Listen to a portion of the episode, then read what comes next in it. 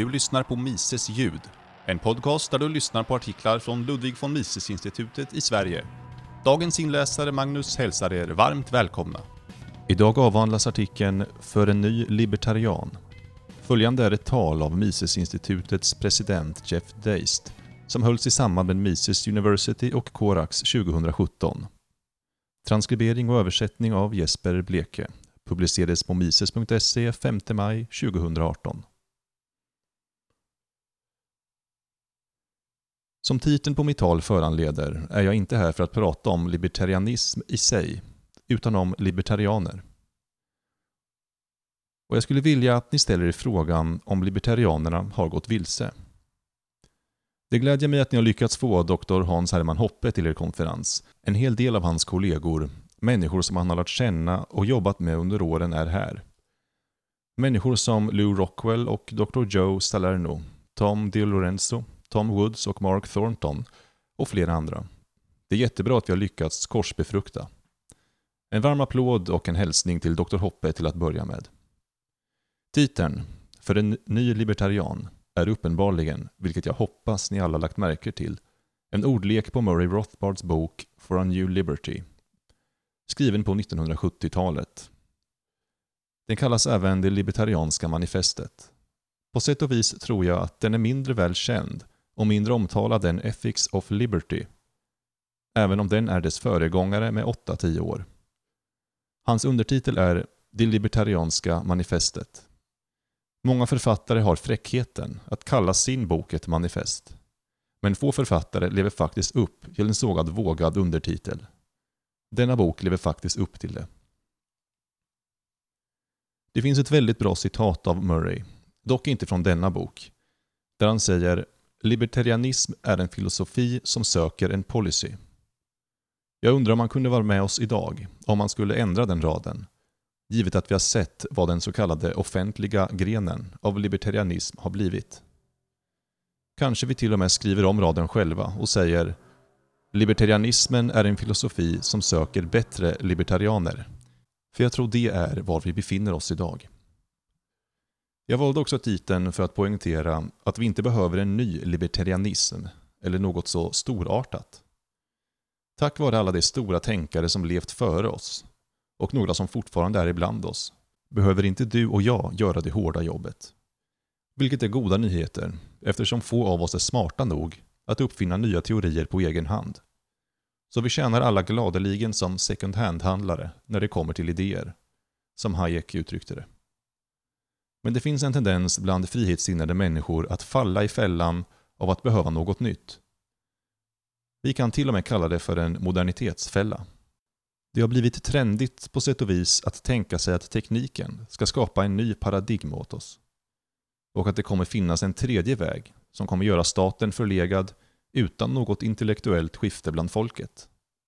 Den digitala åldern är så platt, så demokratisk och så extremt decentraliserad att det kommer visa sig omöjligt för de här ovanifrån och ner hierarkiska staterna att kontrollera oss.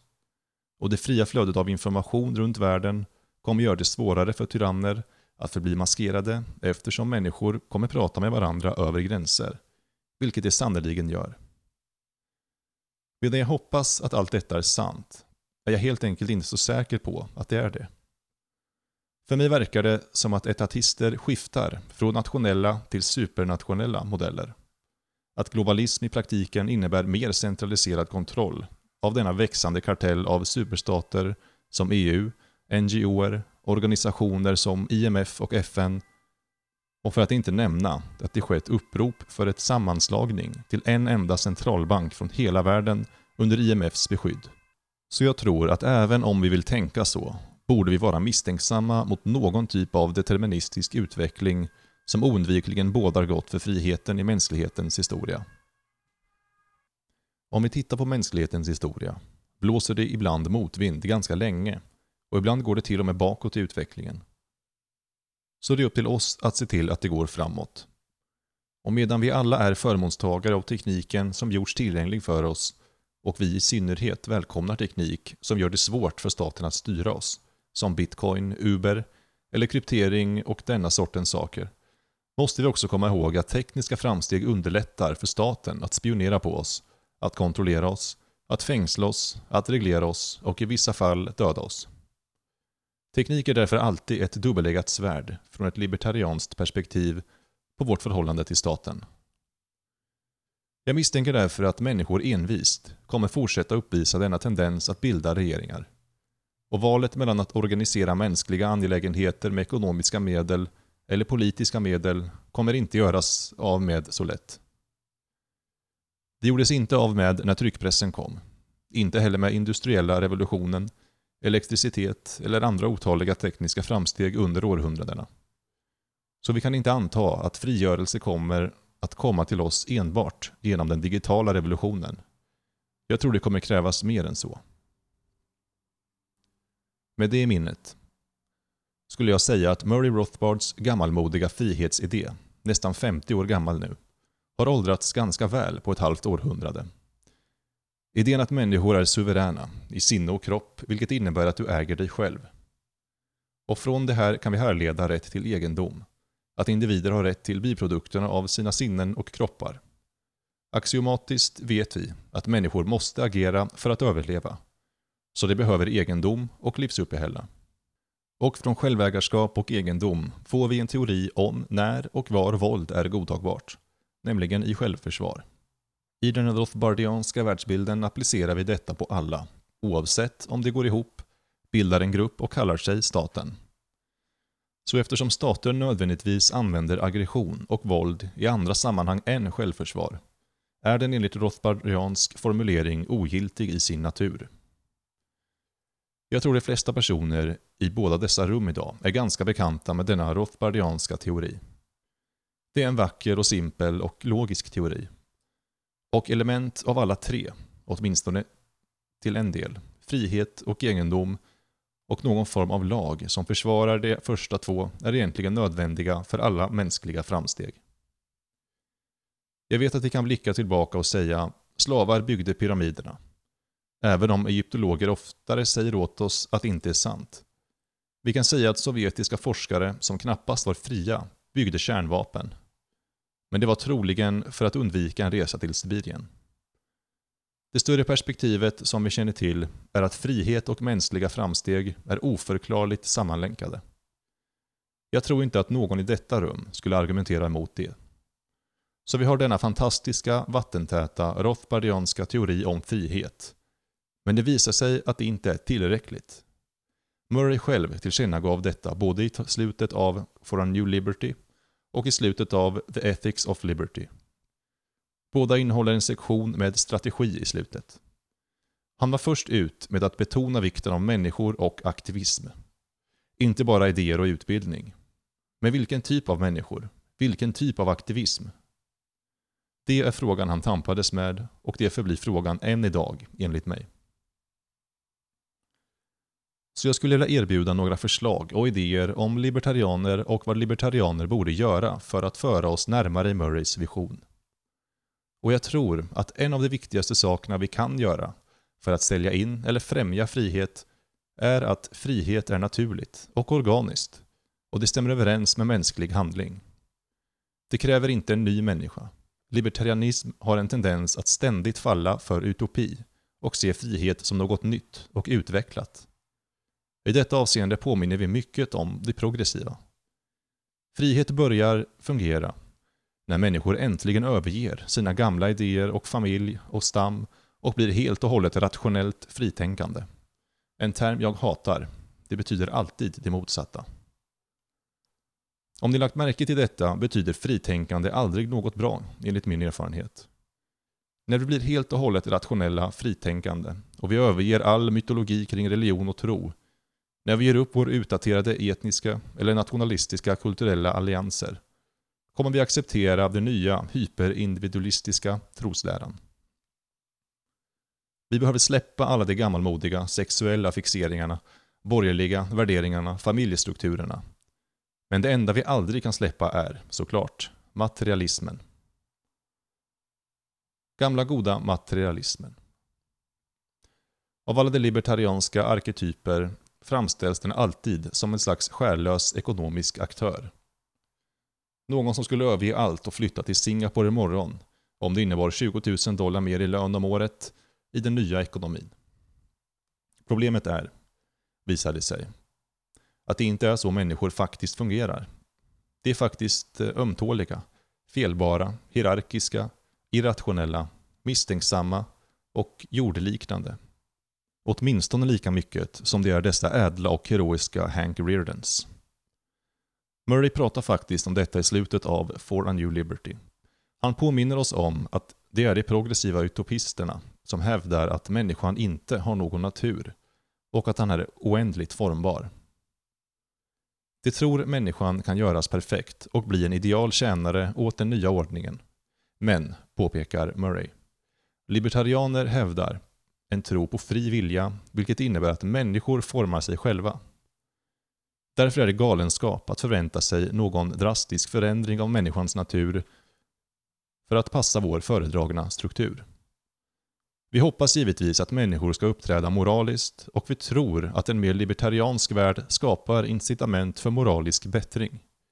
Men vi förlitar oss inte på detta för att få frihet att fungera. I själva verket framför Murray denna djupa idé att libertarianism är det enda system som accepterar människor som människor är. Här och nu. Och i detta avseende, säger Murray, är det den enda teorin som är uppenbarligen realistisk. Den enda teorin som stämmer överens med människans natur och världen vi lever i. Men vi verkar inte sälja det så.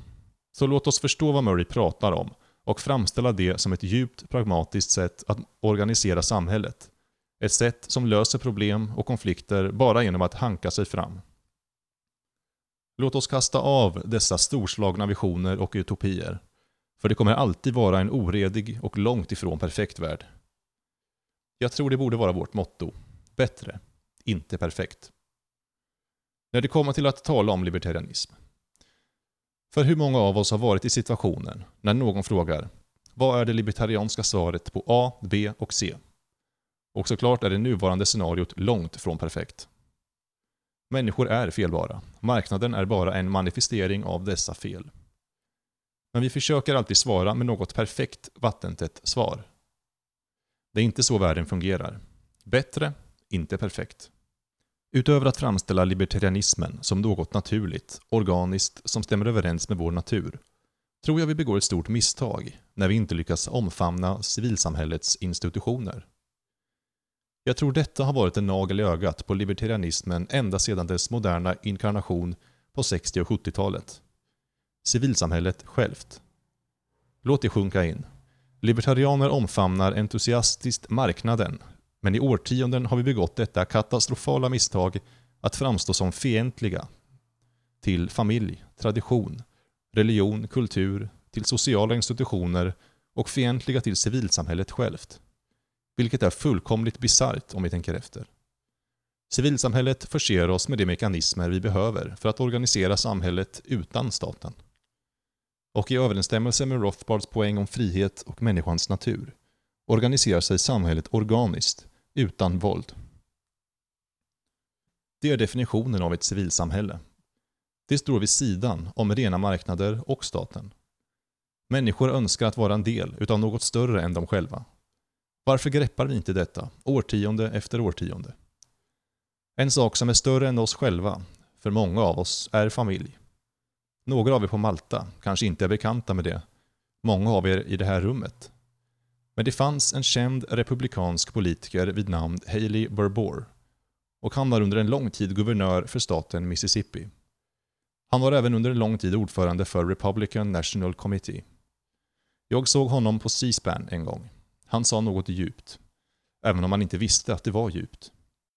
För er som inte vet var den här killen arketypen för en republikan från södern. Stor, biffig, röd snubbe. Han sa något i stil med här nere i södern vet vi var våra mor och farföräldrar ligger begravda. Vad han menade var att folk i södern har en starkare koppling till sin familj, till sin tradition och till sin egen historia. En historia, kan jag tillägga, som är åtskild från staten. När var sist du hörde en libertarian säga något sådant? Det behöver knappast sägas att familjen alltid varit den första försvarslinjen och den viktigaste källan till lojalitet. Eller splittrad lojalitet från politikers perspektiv. Som inte gillar familjestrukturer. Vår koppling till våra förfäder och vår omtanke om vår avkomma formar en berättelse i vilken staten inte är huvudkaraktären, eller ens med i berättelsen. Så familjen utgör vår tidigaste och mest formativa miljö och åtminstone som ideal, vi hoppas alla detta, förser familjen oss med både materiellt och emotionellt stöd. Så lyckliga familjer existerar faktiskt. Det är inte en myt. Men staten vill ha oss förvandlade till atomer. Ensamma, fattiga, sårbara, beroende, misströstande och speciellt avtrubbade. Så självklart försöker den splittra familjer genom att ta barn från dem så tidigt som möjligt och indoktrinera dem i statliga skolor. Med välfärden och skatten som en kil mellan äktenskapet och stora familjer i själva verket motverkande all intimitet som inte står inför allmän beskådan. Den uppmuntrar skilsmässa etc. etc. Detta kan framstå som högervinklade argument, men det betyder inte att det inte är sant. Vi vill ha starka familjer, vi vill ha elitistiska familjer. Vi vill ha välbärgade familjer som inte är rädda för staten. Vi vill ha stora släkter som människor kan vända sig till i oroliga tider. Ett exempel på en stark familj. Titta på Mark Cuban och hans familj. När FCC gav sig på honom med en påhittad anklagelse om insider trading. De flesta av oss, utan hans höga status och pengar, hade gett upp och försökt förlikas. Vi hade varit rädda. Men han brydde sig om sitt rykte och han hade pengarna för att kämpa. Och han kämpade. Och vann. Låt mig göra ett praktiskt sidospår. Jag vänder mig till er i 20-30-årsåldern som kommer börja skruva er i stolen och bli obekväma. Om vi gör ett antagande att 10% av den amerikanska befolkningen är någorlunda anpassningsbar till libertarianismen pratar vi om 32 miljoner människor.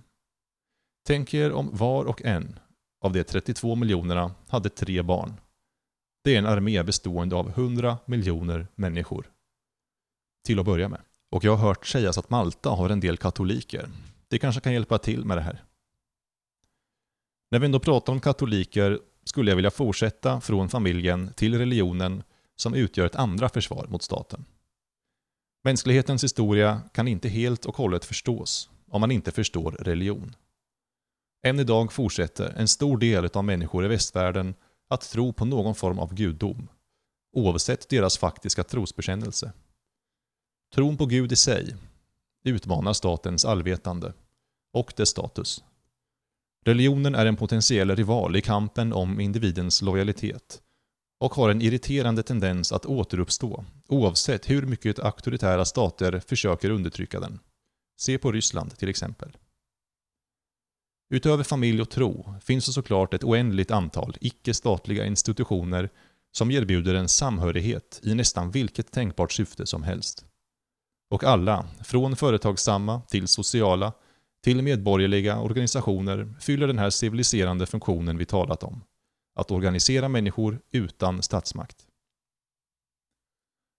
Jag skulle vilja framföra ett argument som ofta glöms bort i debatten om ett mer libertarianskt samhälle eller till och med anarkokapitalistiskt samhälle. Jag skulle säga att det är förnuftigt att tro att ett mer libertarianskt samhälle skulle vara mindre libertin och faktiskt mer kulturellt konservativt. Av det enkla skälet att när staten minskar i betydelse och inflytande kommer dessa, sedan länge undertryckta, civilsamhälleliga institutionerna komma upp till ytan och växa i betydelse och inflytande. Och i ett mer libertariant samhälle är det såklart svårare att tvinga någon annan bära kostnaden för ens egna val och livsstil. Om man förlitar sig på familj, kyrka och välgörenhet så kan det mycket möjligt komma att ställa krav. Det är mänsklighetens historia. Jag försöker om att jag varken är intresserad av eller fördömer er personliga tro, er religiösa tro eller era preferenser i livet. Och det gjorde inte Murray Rothbard heller. Libertarianism per se har ingenting att göra med hur någon lever sitt liv. Men det han menar är att civilsamhället borde hyllas av libertarianer. Motsatsen vore att ignorera vad människor verkligen vill och vad människor faktiskt gör. Skapa samhällen mer betydelsefulla än de själva. Det finns ett ord för människor som inte tror på någonting. Varken staten, familjer, gudar, samhälle, moral, civilisation. Det ordet är nihilist, inte libertarian. Det betyder inte att en nihilist inte kan vara en libertarian. Men det finns en skillnad. Det tredje argumentet jag vill framföra ikväll handlar om politik och vad vi borde tänka och göra politiskt. Här har vi återigen denna envisa tendens bland libertarianer. Att förespråka någon sorts universell politisk överenskommelse. Om det finns något politiskt mål för libertarianer är det att tillåta individer att leva fritt. Det politiska målet är självbestämmande. Vi uppnår detta genom att minska statens storlek, omfattning och makt var vi än befinner oss. Idén om allmängiltiga libertarianska principer har på något sätt blandats ihop med idén om en universell libertariansk politik. Som en följd av detta har, vad jag tror de flesta av oss tänker på som, lev och låt leva libertarianism ersatts av en doktrin bestående av universellt libertarianskt tänkande. Ofta i samband med en påtvingad kulturell dimension. På grund av detta, återigen, faller libertarianer ofta i fällan av att låta som konservativa och progressiva, i det avseende att de tänker sig vara kvalificerade nog att diktera hur politiska överenskommelser borde slutas över hela världen. Vad är libertarianskt med att tala om för andra länder vad de borde göra? Borde inte det politiska målet vara radikalt självbestämmande, snarare än universella värderingar? Det är illa nog när vi slår på TVn i USA. På Fox News till exempel, och vi hör neocons prata om vad som är bäst för Syrien, eller Irak, eller Korea, eller Ryssland, medan de ser ner från sina oftast säkra och välbetalda och bekväma västerländska positioner, kan tilläggas. Det här är knappt man står ut med. Men det är ännu värre när man hör det från libertarianer vid Reason Magazine eller liknande. Jag tror inte det bara är ett politiskt, utan också ett så att säga taktiskt misstag. När man talar om universalisternas doktrin går den ofta hand i hand med globalism. Det är svåra att separera. Det låter ungefär så här. Demokratisk rösträtt är den heliga politiska rättigheten idag i den postmonarkistiska världen.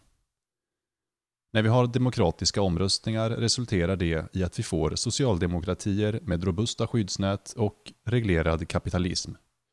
Juridiskt skydd av kvinnor och minoriteter väl vedertagna normer när det kommer till sociala frågor och den västerländska civilrättsliga skapelse gäller nu överallt i världen och med teknikens hjälp, som jag nämnde tidigare, ska vi överbrygga skillnader och de gamla nationsgränserna. Det finns något varierande smak av universalistiskt tänkande. Vänsterliberalerna, å ena sidan, tenderar att lägga fokus på en överstatlig regering, en administrativ stat vi kan kalla den en världsstat i brist på bättre term. Icke-statliga organisationer är en del av detta nät. Konservativa, å andra sidan, tenderar att lägga fokus på globala handelsarrangemang och militarism. Det vill säga att exportera demokrati.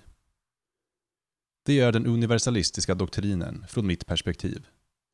Vad som förenar dem är att de spenderat hela 1900-talet med att insistera på att deras föredragna politiska arrangemang är applicerbara överallt, och undvikligt dessutom. Jag skulle säga att detta narrativ inte är till libertarianers fördel. Universalism kan förse oss med den filosofiska grunden för globalism. Men globalism är inte frihet. Om något hotar globalism med att ta staten till en helt ny nivå. Och globalism är inte en naturlag. Jag skulle vilja hävda att den i själva verket ofta står i konflikt med människans natur och mänsklig mångfald. Det visar sig nämligen, när man pratar om 7,5 miljarder människor runt om i världen, att det är väldigt få saker man faktiskt är överens om. Inte så många som vi skulle tro.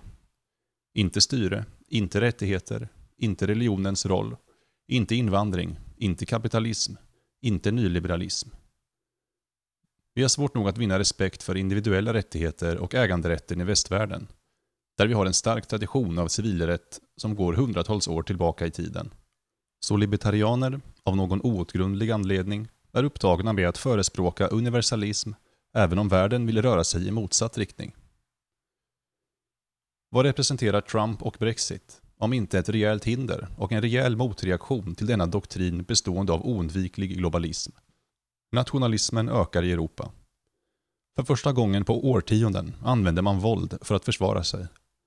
Vi har secession och rörelser för utträde på ställen som Skottland, Katalonien, Andalusien och äntligen i Kalifornien. Federalism och staters rättigheter är helt plötsligt populära hos våra progressiva vänner.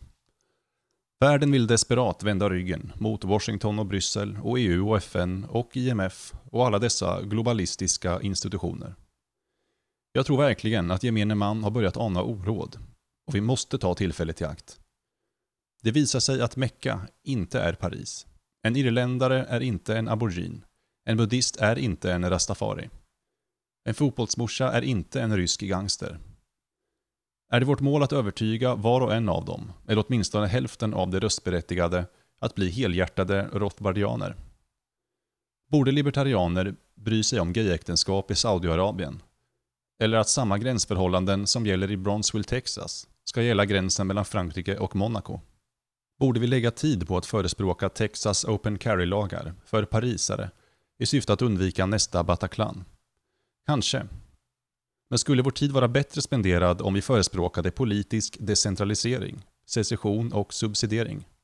I andra ord, borde vi låta Malta vara maltesiskt? Ludwig von Mises tillbakavisade nämligen universalism och han såg självbestämmande som det högsta politiska målet för frihetssinnande människor. Jag är säker på att många av er är bekanta med hans kända ord om att det är möjligt att ta självbestämmande till individnivå.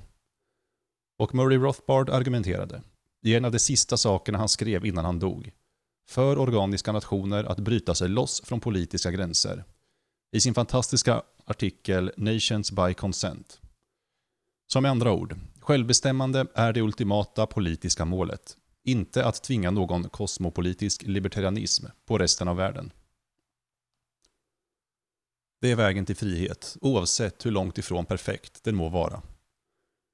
En värld av 7,5 miljarder självbestämmande individer må vara vårt ideal. Men i brist på det borde vi, i den verklighet vi lever i idag, föredra Liechtenstein framför Tyskland, Luxemburg framför England, staters rättigheter framför överstatlighet genom Washington DC här i USA. Vi borde heja på EUs sammanbrott. Vi borde stödja några av de här secessionskampanjerna jag nämnde tidigare på platser som Katalonien och Skottland. Vi borde alltid föredra lokalt självbestämmande över något avlägsen lagstiftare. Vi borde därför ta avstånd från multilaterala handelsavtal. Vi borde helt enkelt föredra smått framför stort när det kommer till staten. Politisk decentralisering, secession, subsidiering.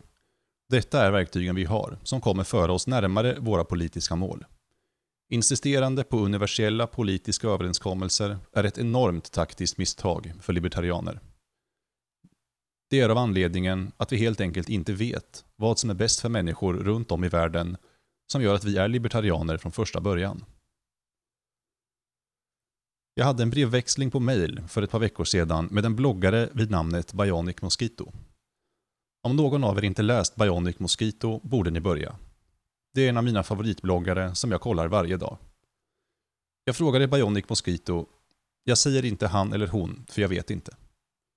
Jag frågade Bionic Mosquito samma hypotetiska fråga jag har till er.